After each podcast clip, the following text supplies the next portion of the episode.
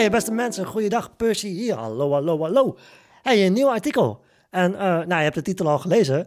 Nope, wij willen geen kinderen. Dat is een vraag die ik uh, geregeld op me af krijg tegenwoordig. En ik dacht, ik ga gewoon even een verhaaltje over schrijven. Dan weet je waarom wij geen kinderen willen. nou, ik ga hem gewoon voorlezen. Daar gaat hij weer. Misschien vind je het een iets te persoonlijke vraag, maar willen Iris en jij kinderen? Vroeg Karin van de week via de app. Nope, wij willen geen kinderen. En als ik aan Iris vraag waarom zij geen kinderen wil, zegt ze zo heerlijk simpel: gewoon, ik voel niks voor. I love it. Mijn antwoord is echter iets complexer. Het klinkt ongeveer zo. Ik ben gek op ze. Ik vind ze super leuk. Kids, kijk maar. Als je, als voor degene die nu luistert, als je even scrolt, dan, dan zie je allemaal foto's met allemaal kinderen. Hoe geweldig ik ermee om kan gaan. anyway, toch wil ik ze niet. Why? Wel, de eerste reden is mijn syndroom. Toen ik namelijk uit mijn moeder kwam donderen, concludeerden de artsen dat er voor 50% kans bestaat dat als mijn papa en mama nog een kindje zouden krijgen, dat hij, zij, net zo mooi, slim, pinter en gehandicapt zou kunnen zijn als hun eerste kinneke, Percy Antonius Tienhoven. Het syndroom dat ik heb, multipatrigium volgens Frias, is een soort van geavanceerde koortslip. Je komt er moeilijk vanaf en het is overdraagbaar.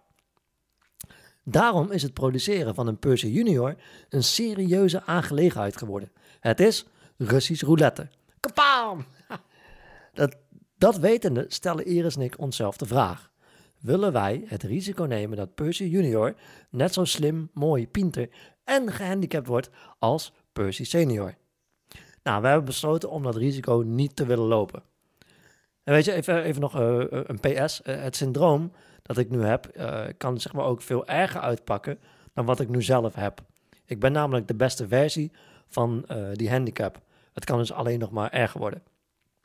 Grote kans dat het gebeurt dus. Wacht even, Pus, wacht even. Ik heb een idee. Ik trek mezelf, ik trek mezelf namelijk heel vaak af.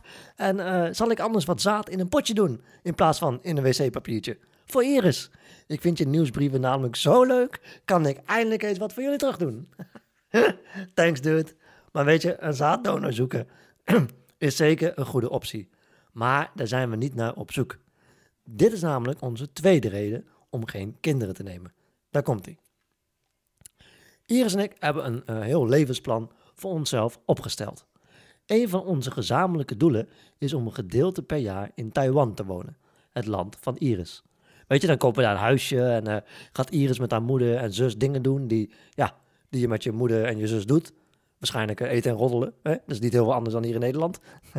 en ik? Ja, ik schrijf nog een artikel. Of ik maak nog een video. Of ik maak een online cursus, geef een webinar. Of ik doe maar één op één spar sessies met mijn beste mensen.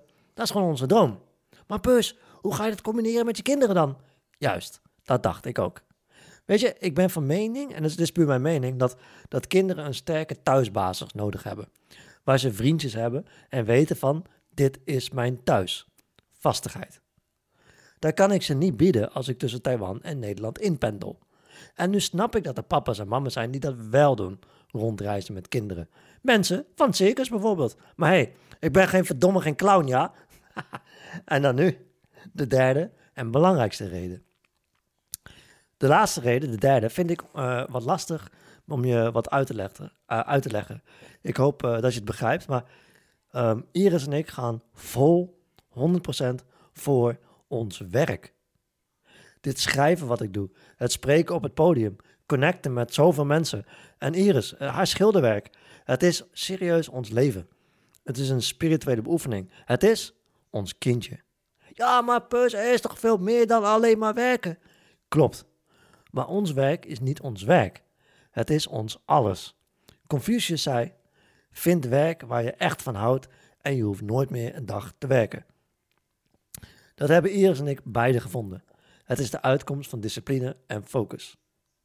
Als we kinderen nemen, dan wil ik daar ook echt voor gaan. Dat houdt in dat ik mijn leven anders moet gaan indelen zoals het nu is. Het leven waar ik momenteel extreem content mee ben. En ik besef me donders goed dat wanneer je echt ergens voor gaat, dat je dan ook de ballen moet hebben om andere dingen te laten voor wat ze zijn. En hoe, hoe ver gaat dat? Nou, daarvoor hebben wij besloten om het nemen van kinderen te laten voor wat het is. Om de ruimte te creëren om te doen wat we echt willen doen. En dat is, ja, wat we nu doen. Hey, simpel hè? Maar pus, pus, als je later oud bent en je hebt geen kinderen, dan ben je voor altijd een soort loser, eenzaam en zo. Vind je dat niet spijtig? Kijk, mijn papa en mama houden blijkbaar wel van de kerk, want ze zijn altijd gebleven tijdens het zingen. snap je, snap je?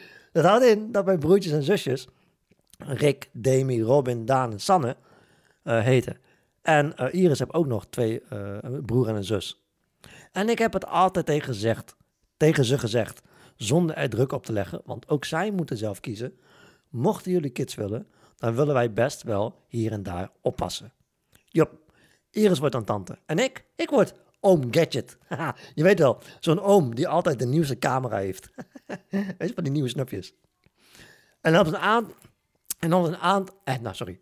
En omdat een aantal van mijn broers en zusjes beginnen te snuffelen wat een huis nu eigenlijk echt kost, zijn Iris en ik alvast aan het oefenen geslagen.